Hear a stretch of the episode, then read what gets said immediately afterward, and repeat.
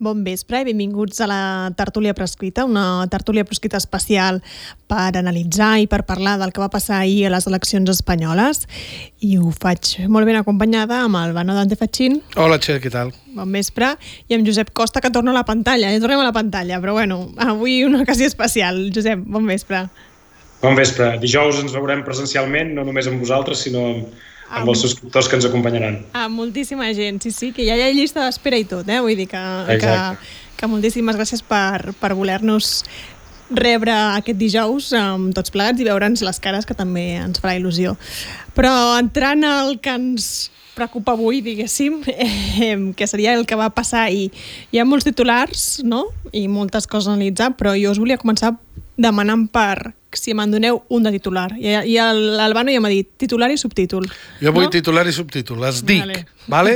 vale. Jo estic molt content amb els resultats sí? uh, perquè durant la campanya electoral s'han dit moltes ximpleries i els resultats han fet caure moltes caretes. Et dic tres i ho deixo aquí. Careta número 1 els quatre anys de rendició autonomista no porten en lloc. Careta número 2, Espanya no té res a oferir per Catalunya, ha quedat clar. I tres, i potser la més important, els resultats de les eleccions eh, ens ajuden i ens obliguen a pensar més i millor sobre com hem de fer l'únic que hem de fer, que és fugir i trencar amb el regne d'Espanya. D'acord. Eh, Josep, el teu titular, el teu subtítol, el que tu vulguis dir-me.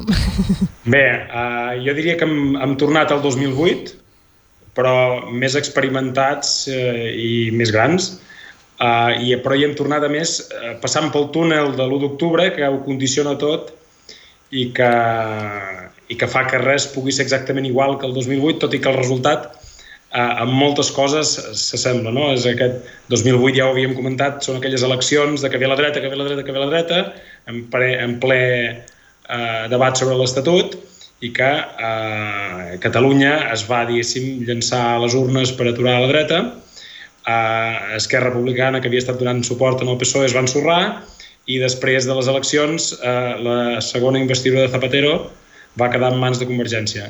Doncs eh, jo crec que el resultat és el 2018 reloaded una mica i el fet de que hàgim de passar pel túnel de l'1 d'octubre per mi em dona una certa tranquil·litat de que no, el resultat no serà el mateix. El, el, el que ve després no serà el mateix. Doncs aquí tenim els titulars. Sort que no poseu els titulars a VilaWeb perquè serien quilomètrics i Google, Google ens penalitzaria, eh? però per sort ens posem nosaltres titulars. Ells ens analitzen molt bé i, i això, comencem la tertúlia proscrita.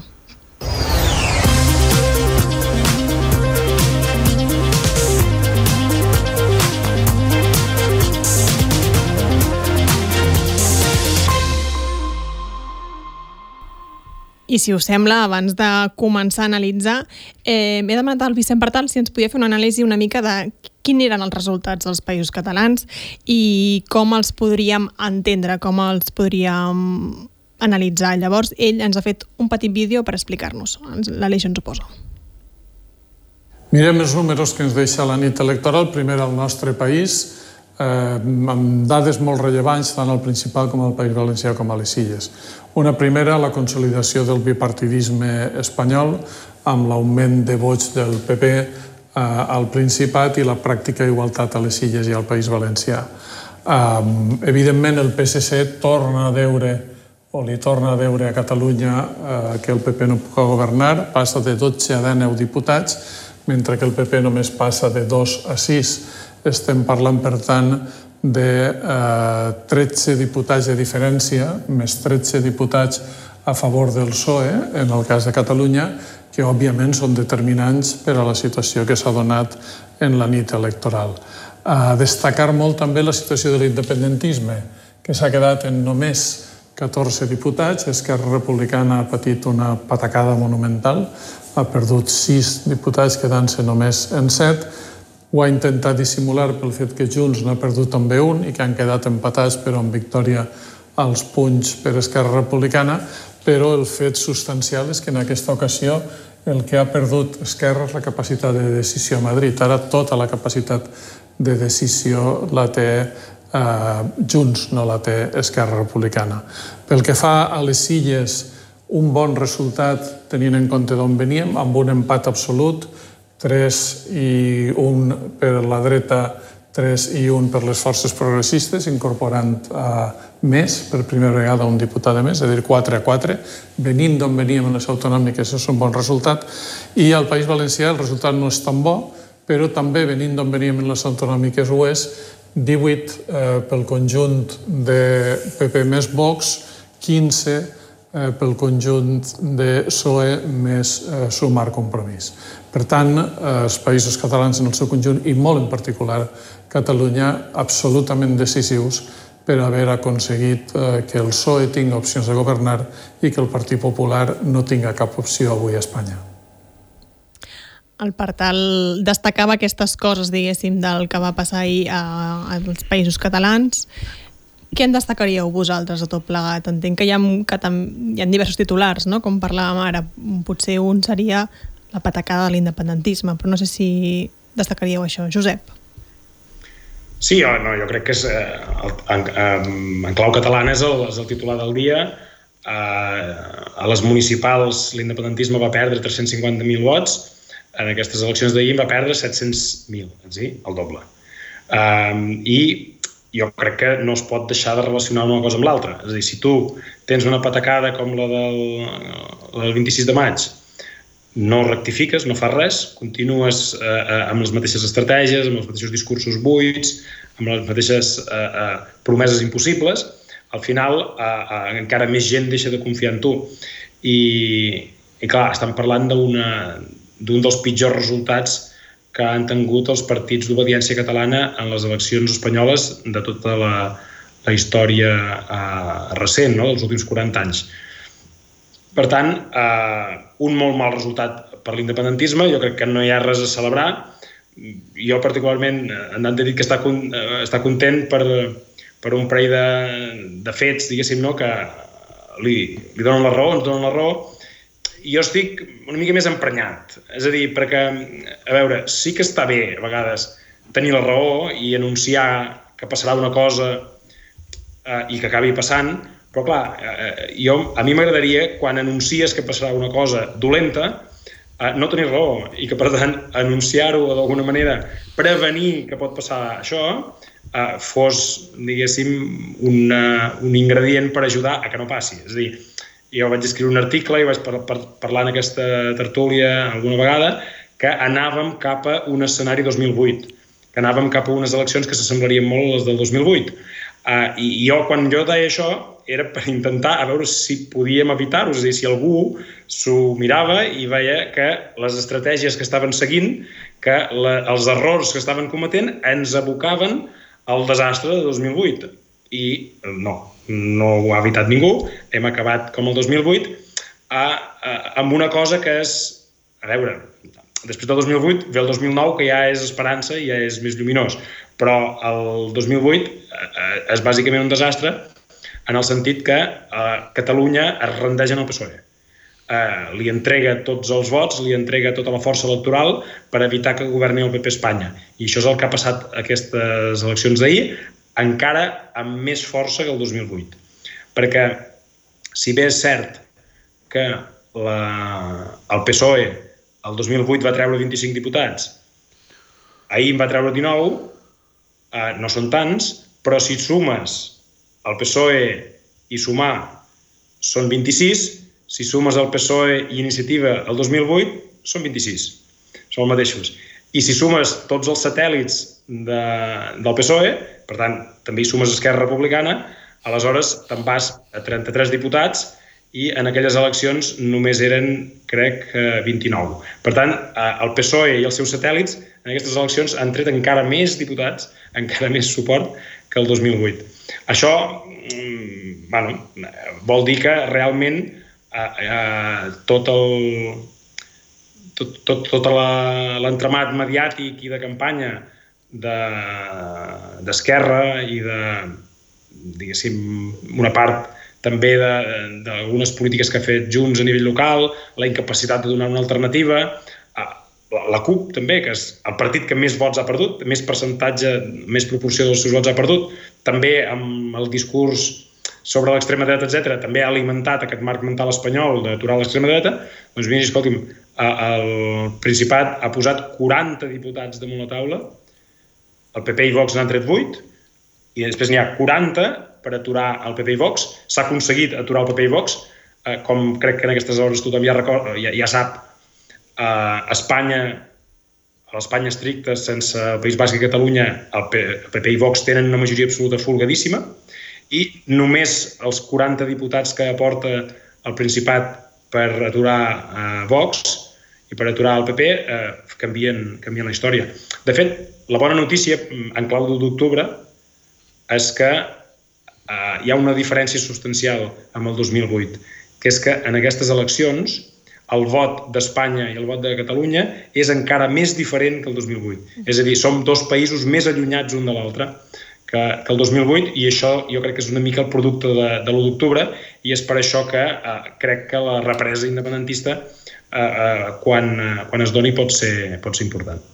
Volia dir una mica de, de dades, si us sembla, no? perquè tenien en compte el que deies, no? aquesta, aquesta pèrdua de vots que ha tingut l'independentisme, perquè la gent es situï, perquè la gent ho sàpiga. Eh, Esquerra ha rebut 417.000 eh, vots menys, gairebé la meitat eh, respecte a les últimes eleccions del 2009. La CUP no tindrà representació i Junts ha perdut un diputat i 150.000 vots. És més, Esquerra, Junts i la CUP van sumar un 46, ai, un 42,6% dels vots a Catalunya al novembre del 2019 i ara només són el 27,06% dels vots. És a dir, que realment l'independentisme en aquestes eleccions ha perdut molt vots. La, el que dubte és, els ha perdut per gent que s'ha abstingut i que s'ha enfadat? Mm. O també, com diu el Josep, aquesta campanya de la por en realitat no ha favorit gens a l'independentisme i, i, i molts independentistes, independentistes han votat PC, PSC o sumar? Uh, abans de contestar-te, jo sí. vull posar uh, més dades sobre la taula perquè crec que és important eh, és veritat que el, que deia Josep, no? de dir el fet de que, de que s'adverteixi d'un fracàs no treu que quan el fracàs té lloc doncs diguis, ostres, hagués preferit no tenir raó. Uh -huh. Però escolta'm, eh, al final la política s'ha de treballar amb el que tens a les mans i quan més bé coneguis el que tens a les mans, millor podràs mirar el futur. I per tant, deixa'm dir encara uh -huh. algunes dades més. A les eleccions generals del 2019, els tres partits independentistes, CUPS, Esquerra i Junts, treien 1.650.000 vots. Ahir no van, a, van quedar 50.000 per sota del millor. O sigui, eh, eh, perdre gairebé 700.000 vots d'una tacada. Però és que eh, els dos partits d'Esquerra, Esquerra i CUP, els dos partits de l'esquerra independentista, per mm -hmm. dir, o de la, de, sí, de l'esquerra, eh, han perdut el 82% dels vots. Uh, Junts se salva per una qüestió aritmètica, però en perd 140.000.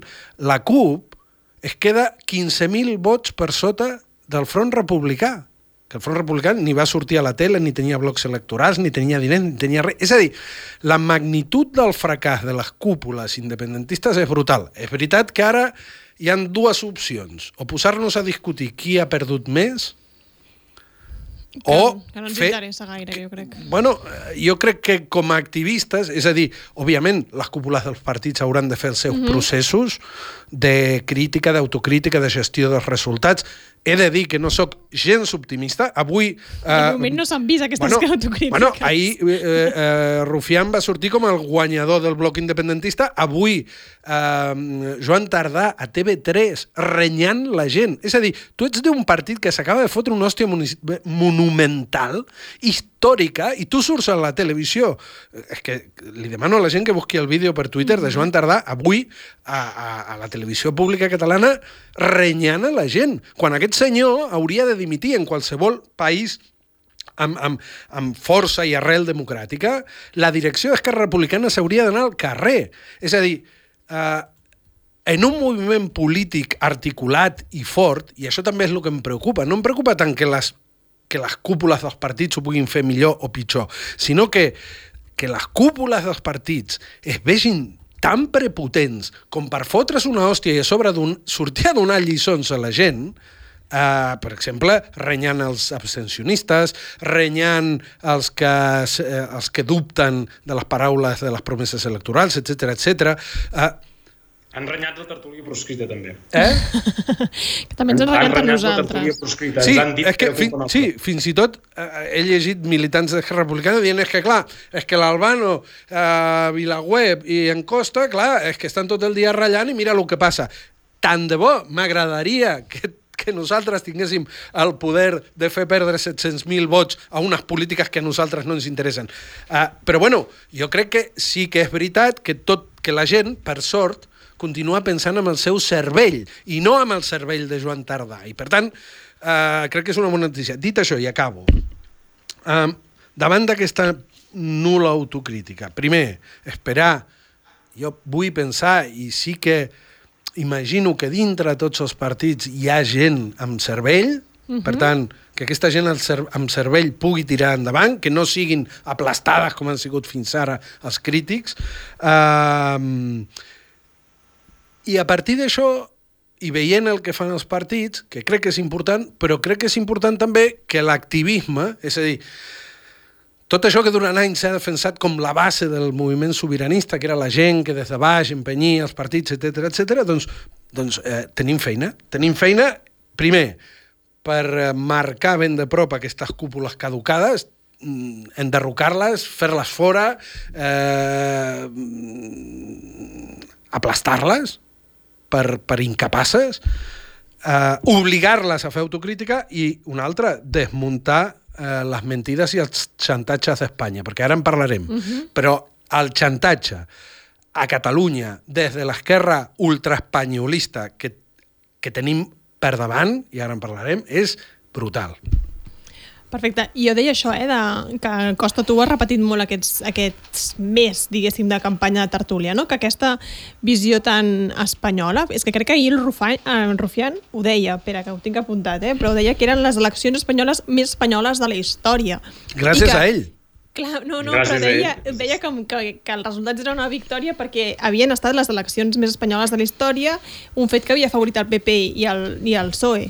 Creu, creieu realment que hi ha hagut independentistes bueno, jo en conec, he de dir, suposo que tots en coneixem, que han acabat votant a sumar i el PSOE amb aquesta estratègia de la por, la por, la por, doncs al final dius, per votar Esquerra voto socialistes. Mira, jo, ja, ja ho havíem comentat, mm. des de, des de l'inici, diguéssim, de la mobilització independentista, és a dir, des del 2008, que és allà on hem tornat, eh, no hi havia eh, independentistes que haguessin votat el PSC, eh, ni eh, cap partit del 155. I eh, des del 2015, 2016, 2019, és a dir, les eleccions que es repeteixen diverses vegades, tant al Parlament de Catalunya com al Congrés espanyol, hi havia un cordó sanitari en el bloc del 155, que és el bloc autoritari, és el bloc repressiu, és eh, el bloc que encapçala ara el PSC, PSOE, que en, en, en les eleccions al Parlament de Catalunya va encapçalar Ciutadans durant un parell de, de, de conteses. El... Hi havia sempre, en tot aquest cicle de 7 o 8 eleccions, sempre hi havia un sostre del 40% de vot eh, del 155, de PSOE, eh, PP, Vox, Ciutadans, el que sigui, i després hi havia un 56% més o menys de vot independentista més el, el, el bloc dels comuns. I a, aquestes... Hi podia haver transversaments, però el bloc del 155 mai superava el 40% en cap tipus d'elecció, ni a les espanyoles ni a les catalanes. I en aquestes eleccions d'ahir, el bloc del 155 va fer un 56% del vot. És a dir, va substituir el bloc independentista més comuns, que era el que dominava la política catalana en, eh, durant els anys de, Ai, que l'hem perdut. Bueno, em- em, em- nerviós. I, bueno, explicava lo del vot dual d'alguna manera, no? És a dir, durant molts anys sempre s'havia dit que hi havia un vot dual a Catalunya, no? I que eh, la gent votava una cosa a les espanyoles i una cosa a les catalanes. El-. Em diuen que tornem a tenir el Josep Costa aquí, que, que ja se'ns ha evitat, però el tornem a tenir. Dic que estàs explicant això del vot dual, no? D'alguna manera, Josep.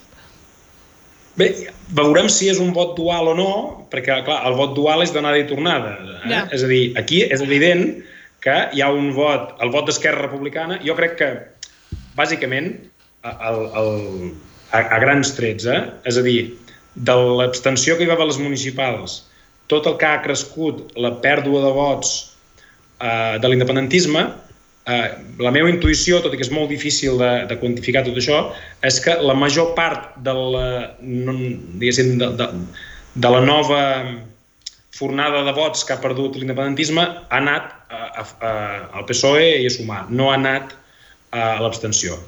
Uh, perquè l'abstenció només s'incrementa en uh, 300.000 325.000 vots. Per tant, uh, fins als 700.000 uh, hi ha gent que segur que, que ha votat PSOE i, i Sumar. Però, bueno, i, veure, I les dades. Uh, qualsevol persona que agafat el mapa del Principat pot veure que uh, en capitals de comarca d'una, diguéssim, tradició independentista eh, eh, altíssima, eh, ha guanyat el PSC, cosa que no feia des, de, de, de, des del 2008, eh, ho dic una altra vegada. I per tant, si en un lloc eh, en què hi ha una amplíssima majoria independentista ha guanyat el PSC, és que hi ha independentistes que han votat el PSC, és que no es pot entendre d'una altra manera. Uh, i, I, a més, tots coneixem persones que han votat uh, al PSOE, també com una forma de castigar l'independentisme. I, i, i, i, I, en certa manera, és dir-li a en Rufián, escolta'm, si tu li entregues els vots uh, directament en el PSOE a canvi de res, doncs jo puc votar directament al PSOE i així et dic a tu que ets insignificant, que ets irrellevant i que pleguis d'una vegada. Em anava a dir que sí que entenc que aquesta gent no és que hagi deixat de ser independentista, és a dir, que, que qui llegeixi aquests resultats com l'independentisme s'ha acabat, no sé si està llegint-los correctament. Jo crec que no, però atenció, uh, uh, aquesta idea del vot dual, que és una de les potes del règim del 78 no? Mm -hmm. de, el, i del pujolisme que donava suport. És a dir, uh, hi havia un repartiment, escolta'm, a les generals votem eh, una cosa i aquí a Catalunya en votem una altra. Vale. Ara han estat generals i en aquestes generals sembla ser que hi ha molts independentistes, és a dir, gent que no ha deixat de ser independentista però que, aviam, aritmèticament aquest, hi ha molts independentistes que han votat o Sumar o el PSOE. Mm -hmm. vale. Han deixat de ser independentistes? Jo crec que no. Ara bé, el vot dual és dual perquè quan van a les generals fan una cosa i quan venen aquí fan una altra. El que jo em pregunto és, en les properes eleccions al Parlament, què faran? Qui, qui, quina, quina opció tindran per exercir el vot dual? Perquè si l'opció és la mateixa eh, que se'ns ha posat fins ara i que la gent ha rebutjat, doncs potser no és dual, perquè no hi ha on tornar. És a dir, no hi ha les dues potes. La pota de l'Estat, la pota dels partits borbònics segueix estant, i així tenim la victòria del PSC a Catalunya. Ara, on està la pota catalanista? On està la pota independentista? Perquè si hem de tornar a votar al Parlament de Catalunya a l'Esquerra Republicana de Gabriel Rufián o a la CUP, que pel que sigui, no ha estat capaç de treure uns resultats mínimament decents, o si hem de votar als Junts que ja veurem a quins junts haurem de votar, perquè aquí és un altre meló que després obrirem a quins junts votarem. Els junts que compleix la seva paraula, els junts que acaba investint a Pedro Sánchez a canvi de nada, això són... Bueno, pues, el vot dual ha de tenir a on poder tornar. I si els partits actuals independentistes no ofereixen on tornar, els independentistes que no desapareixen pues haurem de buscar una solució. Uh -huh. I, I jo crec que aquí també l'activisme ha de fer la seva feina. Em... Jo, jo crec que l'activisme hauria de fer una feina que és, uh, en aquests moments, i, i, i una de les coses que ha fet bé, per exemple, és l'ANC avui convocant uh, els activistes uh, per fer un crit de protesta i dir-los que, que fins aquí, que ja hi ha prou, que uh, independència ara i que se, se, no permetem, jo crec que aquest és el missatge, un, que s'allargui la legislatura autonomista, perquè clar, ara aquí tots entretinguts amb les eleccions espanyoles, resulta que en Pere Aragonès, que hauria d'haver plegat fa molt de temps perquè té un govern sense minoria, deslegitimat i sense programa, sense projecte, sense aliats, sense res, que després de que Esquerra Republicana hagi perdut el 47% dels vots ahir, haurien de plegar tots, inclòs el president de la Generalitat, Uh, doncs mira, ningú s'està fixant en, en ells, ningú s'està fixant en la seva incompetència i amb les seves renúncies i, i, i, i, amb, i amb tot el que han fet malament aquests últims temps, perquè ja ens estan d'alguna manera embolicant amb, amb, amb, amb, amb, la marc, governança espanyola, amb, amb, amb el marc espanyol. Amb el marc espanyol, perdó. Que... Eh, Josep, digue, no, digue. un petit parèntesis. És que amb les eleccions generals, amb la convocatòria de les eleccions generals just després de les municipals, va passar això. Després del, de la patacada de l'independentisme en les eleccions municipals, quan semblava que havien d'assumir responsabilitats, Pedro Sánchez posa el, la convocatòria d'eleccions i treu del focus l'autocrítica. I ara sembla que torna a passar el mateix, que s'han fotut una patacada, però ara tots a parlar de la investidura, quan del que hauríem d'estar parlant, com tu bé dius, és de, escolta'm, tenim un govern deslegitimat, tenim uns partits deslegitimats, què faran aquests partits? I el moviment independentista, mm, òbviament, clar, eh, sí que... Eh, sí... Jo, jo, jo volia dir una cosa, és a dir, uh, el vot dual era el sucursalisme. Jo no vull comprar aquest, mar, aquest marc. No hi ha vot dual mentre no es demostri el contrari, perquè era, era el, el vot sucursalista, d'alguna manera. Era, un, era un, un, un sucursalisme sui generis. A veure, Uh, la investidura espanyola, per entendre'ns, i jo no, no sé si me la comprareu o no, però jo faig la proposta que en aquesta tertúlia la investidura del govern espanyol estigui a la secció de política internacional. Eh? A Vilaweb estarà a, la, a, a, estarà internacional. Per tant, fa 28 dir, anys. Que, que siguem coherents amb la política de Vilaweb, efectivament jo ja ho sé, que, que, que uh, les eleccions franceses i les eleccions espanyoles tenen el mateix tractament a VilaWeb, és a dir, són eleccions estrangeres. Hòstia, això no ho sé. Uh, per tant... Sí, sí, clar, i ens afecten que, el país que, igual, que, però no. Que, que no, no caiguem en el sucursalisme de nosaltres ser actors de la política espanyola. Nosaltres no som actors de la política espanyola. Si Junts ha dit i compleix que no va investir presidents espanyols, eh, Esquerra Republicana no té números de diputats per investir res, són irrellevants, eh, com ho van acabar sent el 2008, per cert, i eh, la CUP ha desaparegut del Parlament espanyol, aleshores, mm, en política catalana no té cap sentit que estiguem parlant de la investidura espanyola. Um, a partir d'aquí, uh, ja ho ha dit Nalbano, però jo crec que, que també ho diran uh, uh, diguéssim, a les, al, al, al carrer molta gent i a les xarxes, i jo uh, vull insistir-hi a, a quina hora comencen les divisions. És a dir, no pot ser que hàgim arribat en aquest nivell de desorientació, de uh, incapacitat estratègica, aquesta desfeta. A veure, abans recordava, recordàvem els números de pèrdua respecte a les eleccions espanyoles, però és que venim que l'independentisme tenia eh, resultats de més de 2 milions de vots a les urnes. L'1 d'octubre hi ha més de 2 milions de vots independentistes, el 21 de desembre hi ha més de 2 milions de vots independentistes a les urnes. En aquestes eleccions hi ha menys d'un milió de vots independentistes.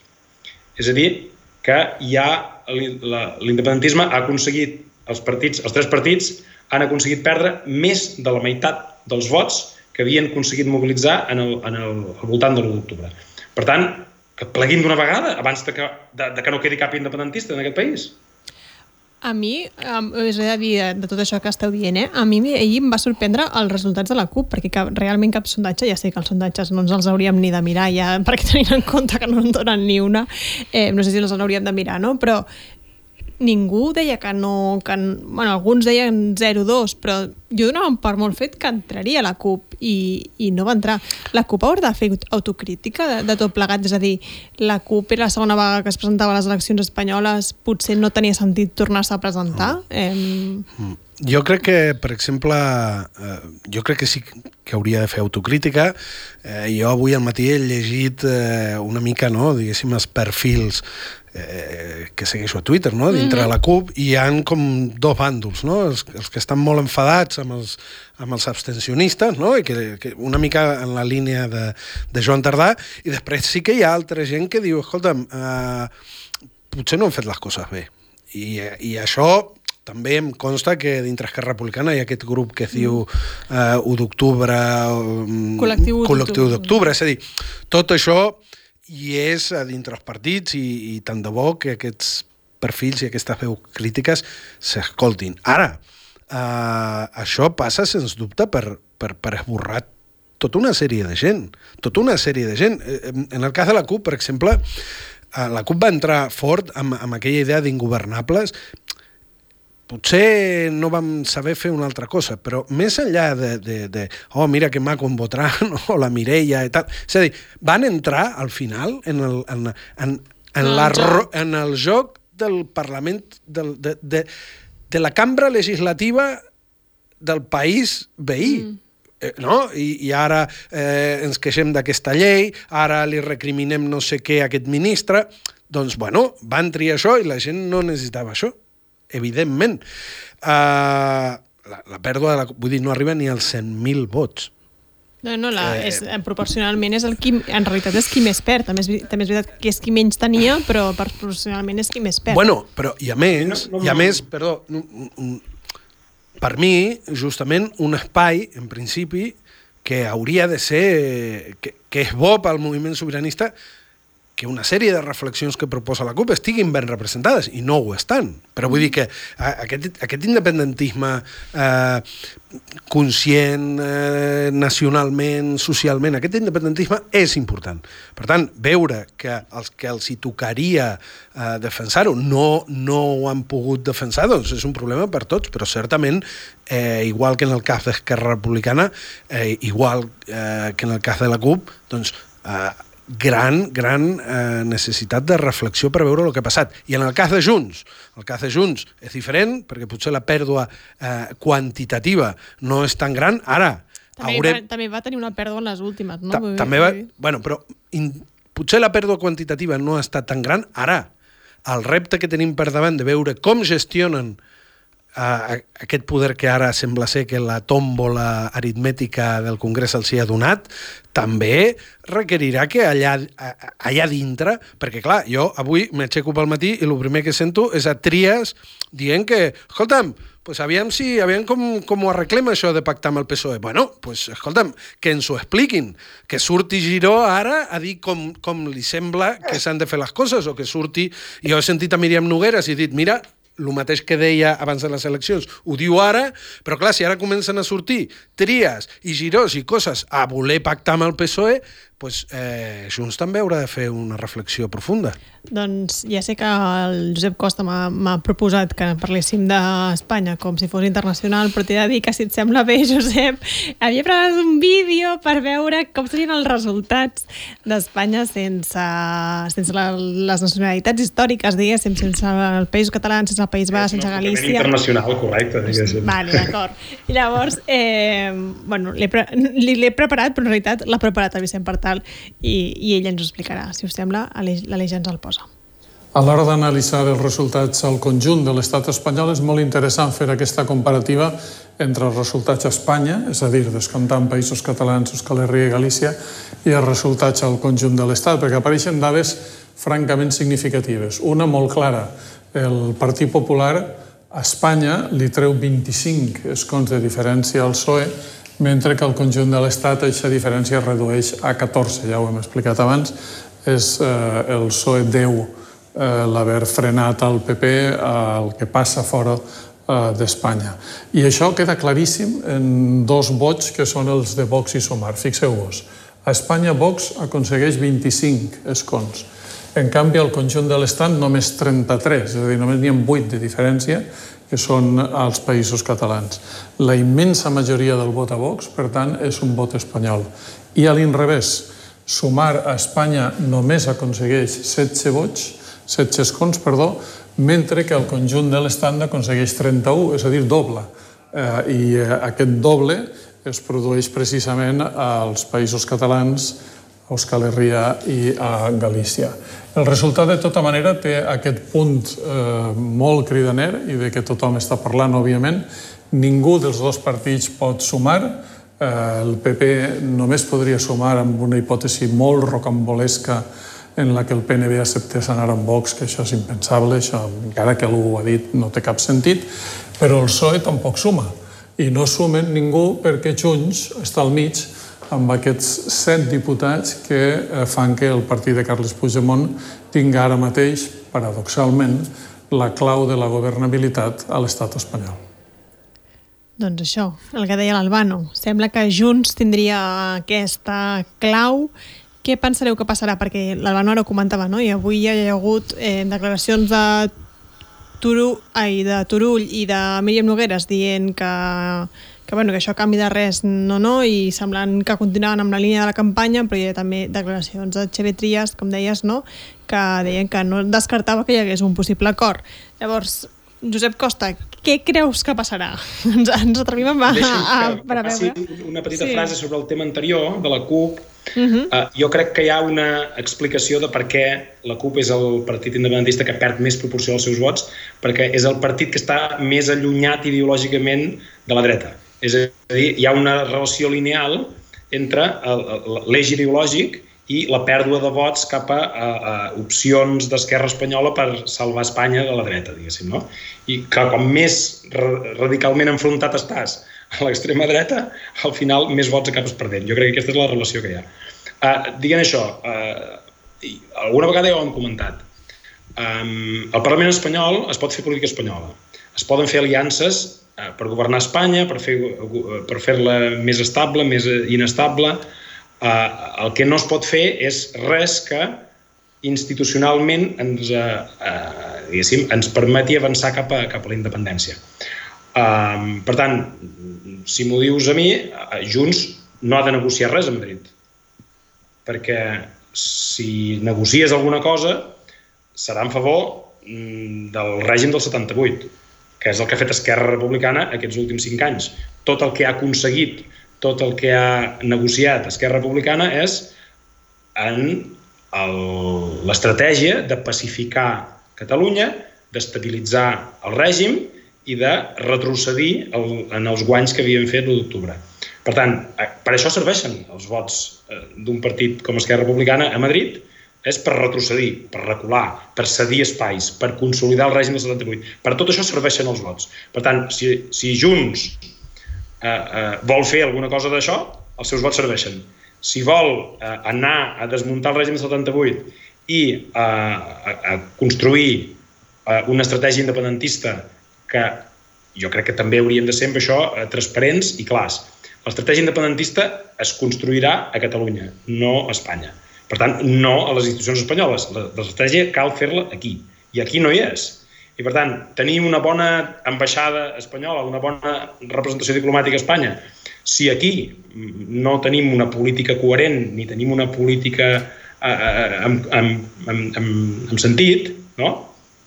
eh, tampoc no serà molt útil. Eh, en el moment en què eh, Junts faci plantejaments rupturistes, immediatament eh, els seus vots queden inhabilitats, ja no els vol ningú. Això és el que va passar el 2016. I, clar, Junts, eh, què pot aconseguir ara? Si no, eh, si no es plega a la pressió que tindrà brutal de fora i de dins per investir Pedro Sánchez una altra vegada, eh, el que passarà, o el que pot passar fàcilment, és que es repeteixin les eleccions. Que es repeteixin les eleccions no és un èxit en clau independentista.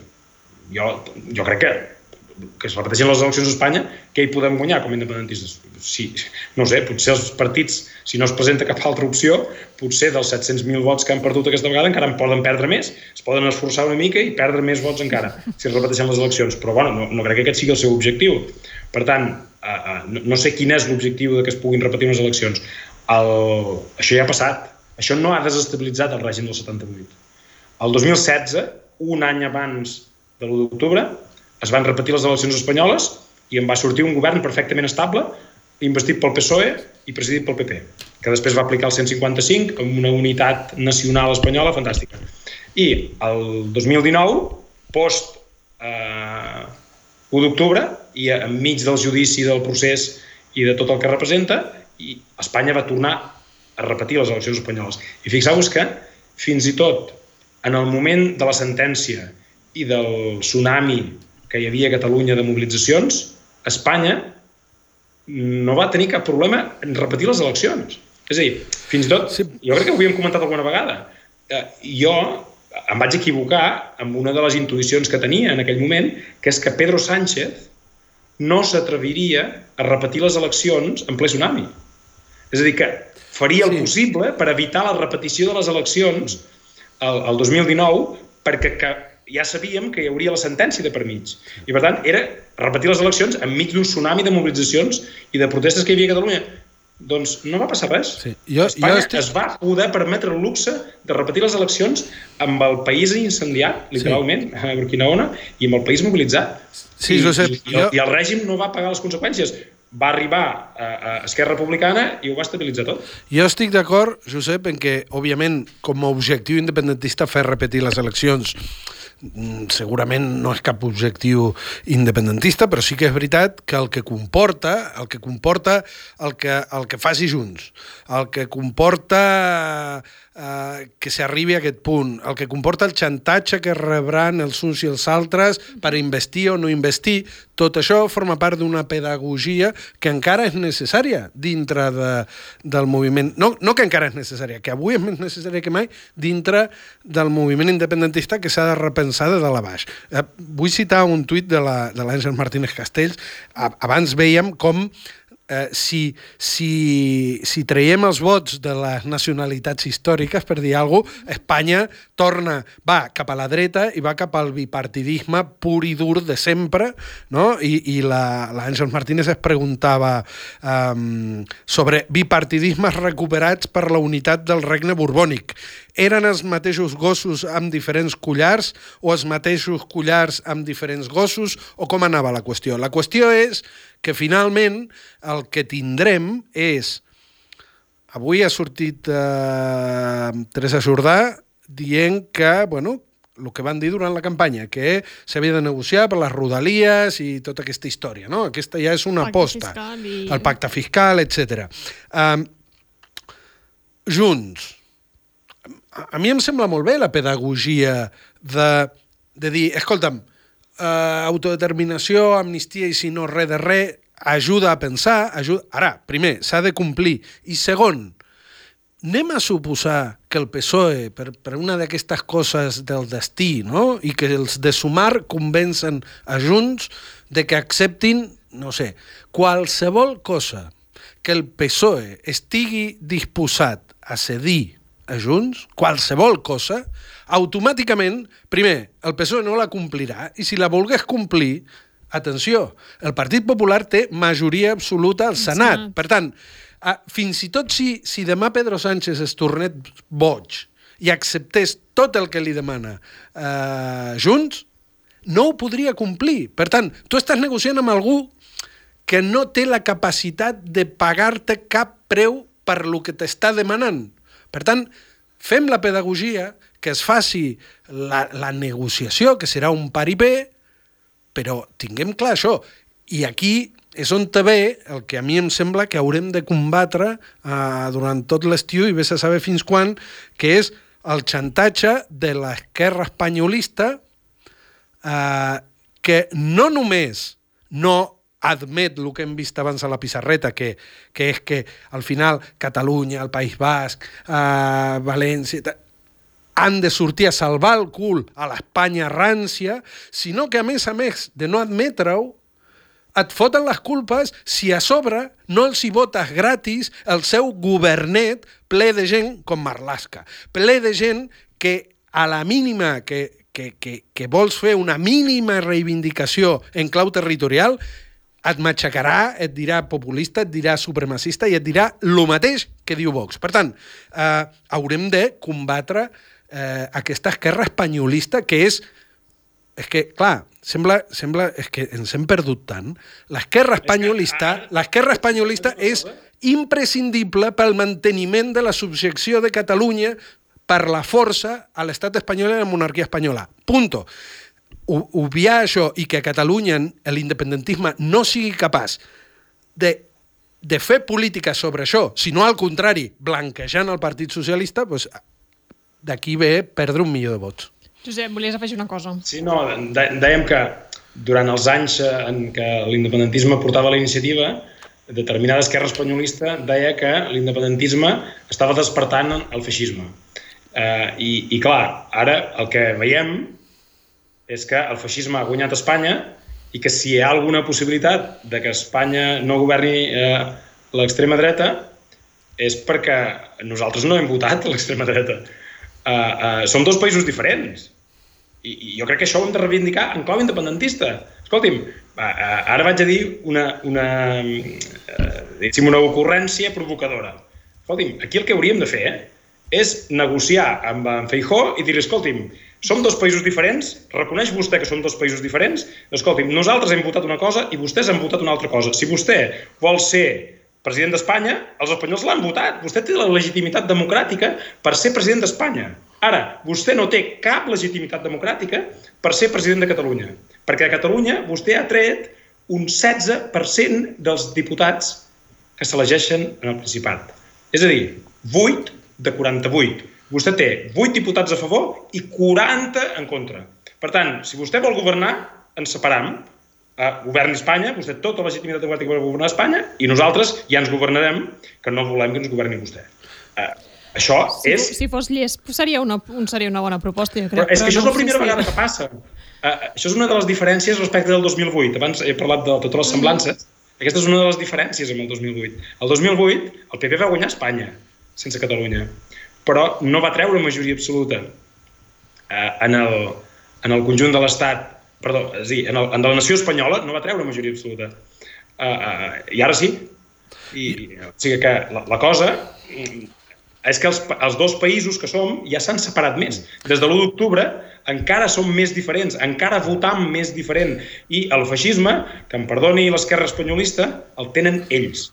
Nosaltres no el tenim. Va. I ja està bé de que el problema sempre o, o, o, o perdó, no, el problema. El problema el creen ells, ells tenen el feixisme i la solució l'hem de donar nosaltres posant els diputats, posant els vots, imposant-li a Espanya una cosa que és bueno, una mica antidemocràtica, que és que ells han votat una cosa i des d'un país diferent, que és Catalunya, uns diputats eh, eh, diferents van i canvien el resultat d'Espanya.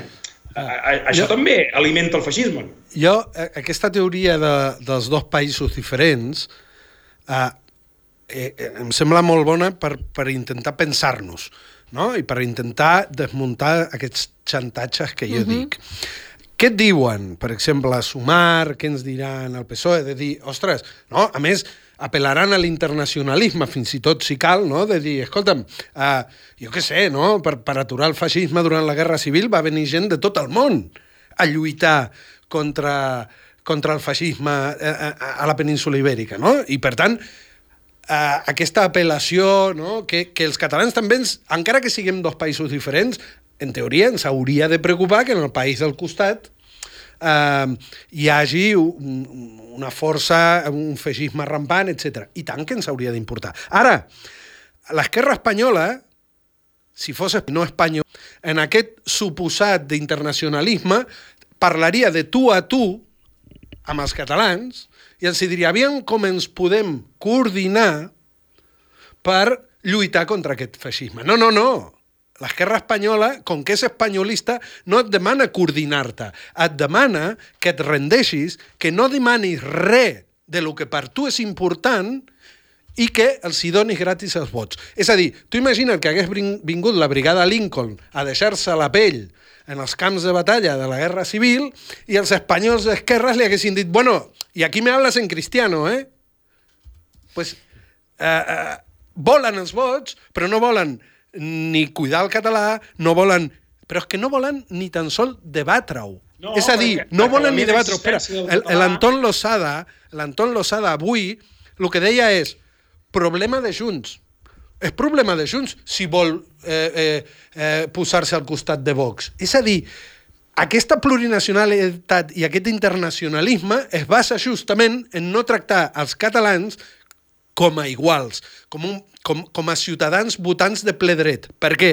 Perquè, escolta'm, molt bé, tu has votat al PSOE i a Sumar. Bueno, pues nosaltres hem votat uh, independentisme o en el país hi ha una cosa en clau independentista i tu m'estàs obligant a renunciar. Per tant, tu el que és, tu, esquerra espanyolista que imposa al seu antifeixisme, el que és és un còmplice del mateix feixisme que s'ajunta amb el PSOE per carregar-se l'autogovern de Catalunya. Doncs pues, escolta'm, ja us ho fareu.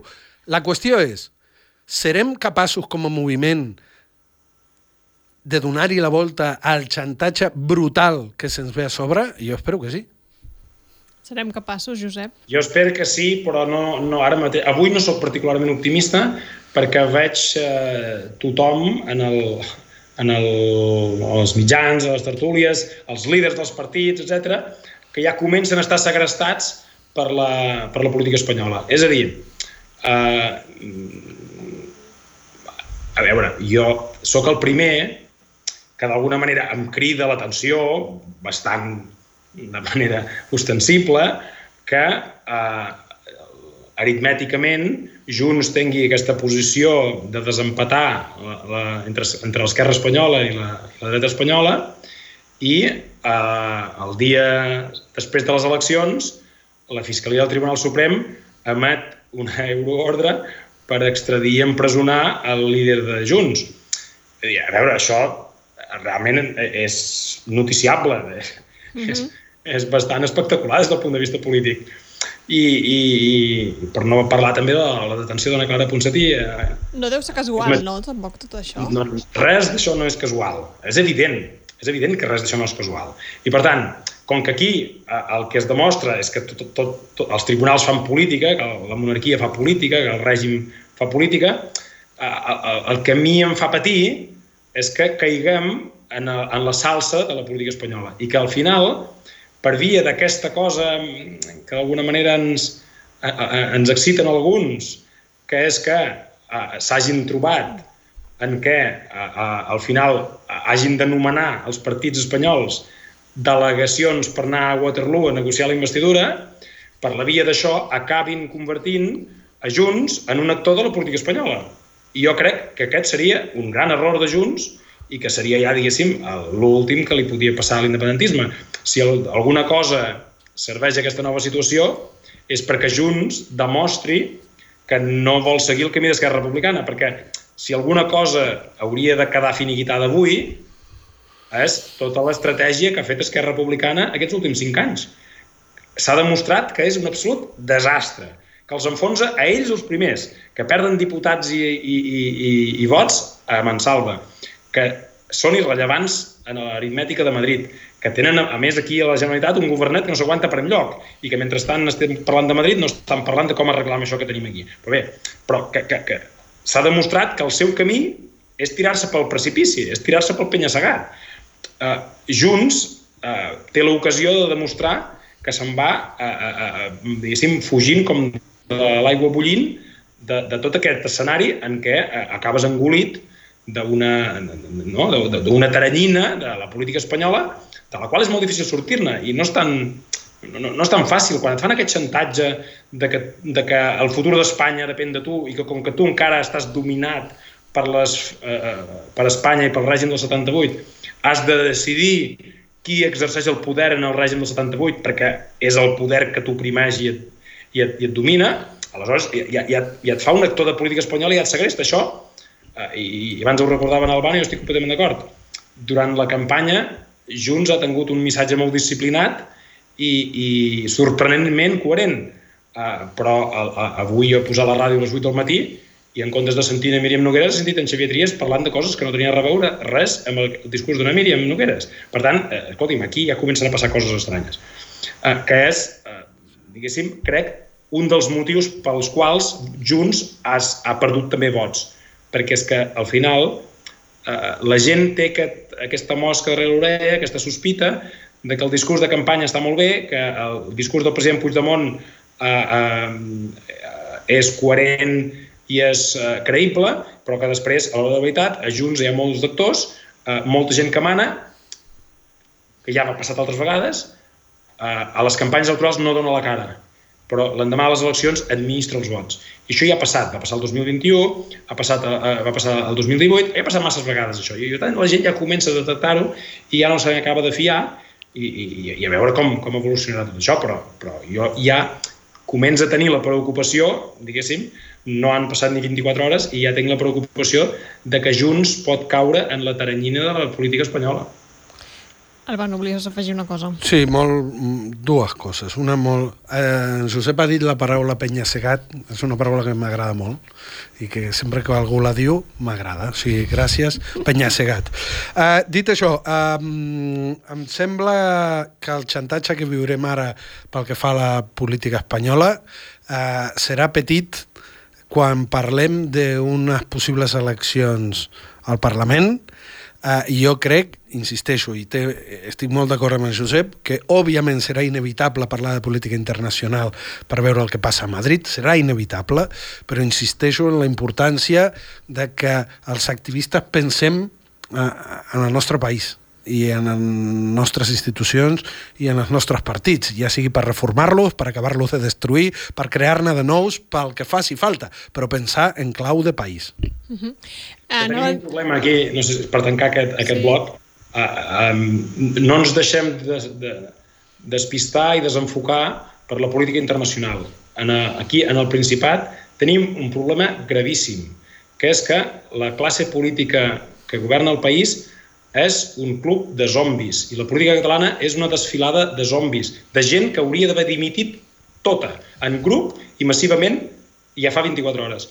Per què? Perquè han portat el país a un escenari del qual no ens podem alegrar ningú. Ningú que s'estimi el país, que desitgi la, lli la llibertat plena del país, no pot estar content avui de la desfeta de l'independentisme, de, dels, que al final és la culminació dels últims cinc anys de mala política, de mala estratègia i de, i de, uh, i de partidisme i de, i de, i de prioritzar les, les, els interessos personals i partidistes. Per tant, hem d'endreçar això, escolti'm, hem de posar ordre a la política catalana i ha de ser la nostra absoluta prioritat, perquè no alliberarem un país amb una uh, missió diplomàtica brillant. La alliberarem amb, amb mobilització, amb força, organització i, i, i intel·ligència en el, en el lideratge del país. Ens queden dos minuts i només volia un apunt. Eh, com d'entendre el fet que avui Clara Ponsatí hagi tornat a Catalunya? Crec que en realitat va tornar ahir, diguéssim, però com hem d'entendre eh, aquest fet i com hem d'entendre el fet de que Llarena no l'hagi fet anar a Madrid, Josep? Bé, mm, això de que no l'hagi fet anar a Madrid em planteja una pregunta molt òbvia, que és per què l'ha detingut dues vegades si no calia portar-la a Madrid? És a dir, si quan, quan la va detenir el març ja podia interrogar-la a través del jutge de guàrdia, com ha fet avui, perquè l'ha fet detenir dues vegades. Sigui, si la primera detenció ja era il·legal, una segona detenció innecessària eh, és encara pitjor, és encara més desproporcionada, més innecessària per tant, il·legal.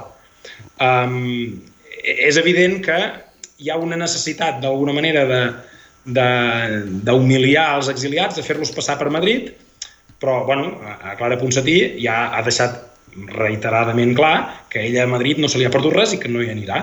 I per tant, jo crec que han arribat al punt de dir, escolti'm, aquest, eh, al final només és una, se l'acusa d'una desobediència i per tant eh, ara tot el dispositiu de traslladar-la a Madrid perquè al final arribarà aquí i m'imagino es negarà a declarar eh, segurament, coneixent la Clara Ponsatí, es negarà a parlar en espanyol eh, eh, eh, i vull dir que, que pot ser un problema que dius, escolta, jo m'ho vull estalviar tot això si al final, tanmateix, eh, eh, això és un tràmit per activar una cosa que és el més important aquí, eh, tot això, que és que a partir d'avui la causa de la Clara Ponsatí torna a caminar.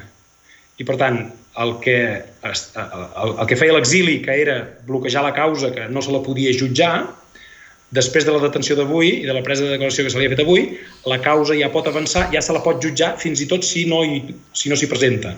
És a dir, si no va en el seu judici, la poden jutjar igual. Per tant, vol dir que el rellotge de la seva, de, de la seva inhabilitació, ja anava a dir investidura amb, el, amb tot el que hem parlat avui, el rellotge de la inhabilitació de la Clara Ponsatí es posa en marxa avui. I per això és, és molt rellevant.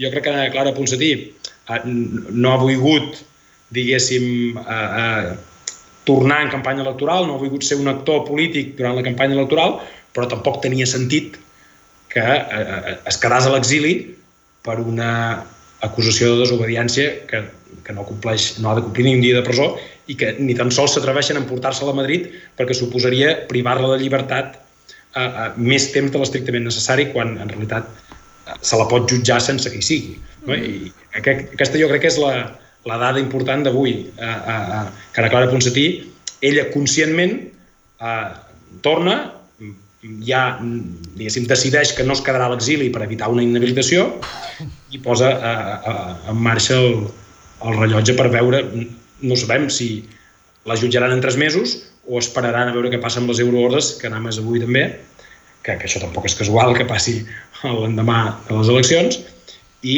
eh, que intenti eh, veure si tingués la remota possibilitat de jutjar a Clara Ponsatí conjuntament amb els altres exiliats, cosa que em sembla bastant eh, improbable.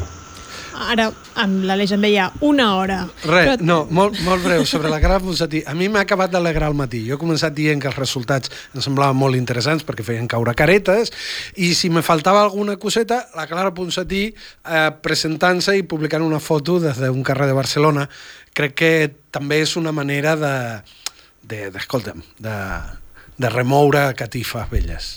Anava a dir, a l'Aleix en diu una hora, però tenim una sort aquesta setmana, i és que aquells que se li fan curta aquesta hora en tenim dues d'hores, i ens tornarem a veure dijous. Dijous a les 7, per 7, en directe, eh, per YouTube, a VilaWeb, en directe amb la gent que s'ha pogut apuntar, però també tots aquells que voleu a les 7 en directe per VilaWeb, i els que us seguiu per via podcast, etc, tranquils, que com acabem ho pujarem a totes les altres plataformes.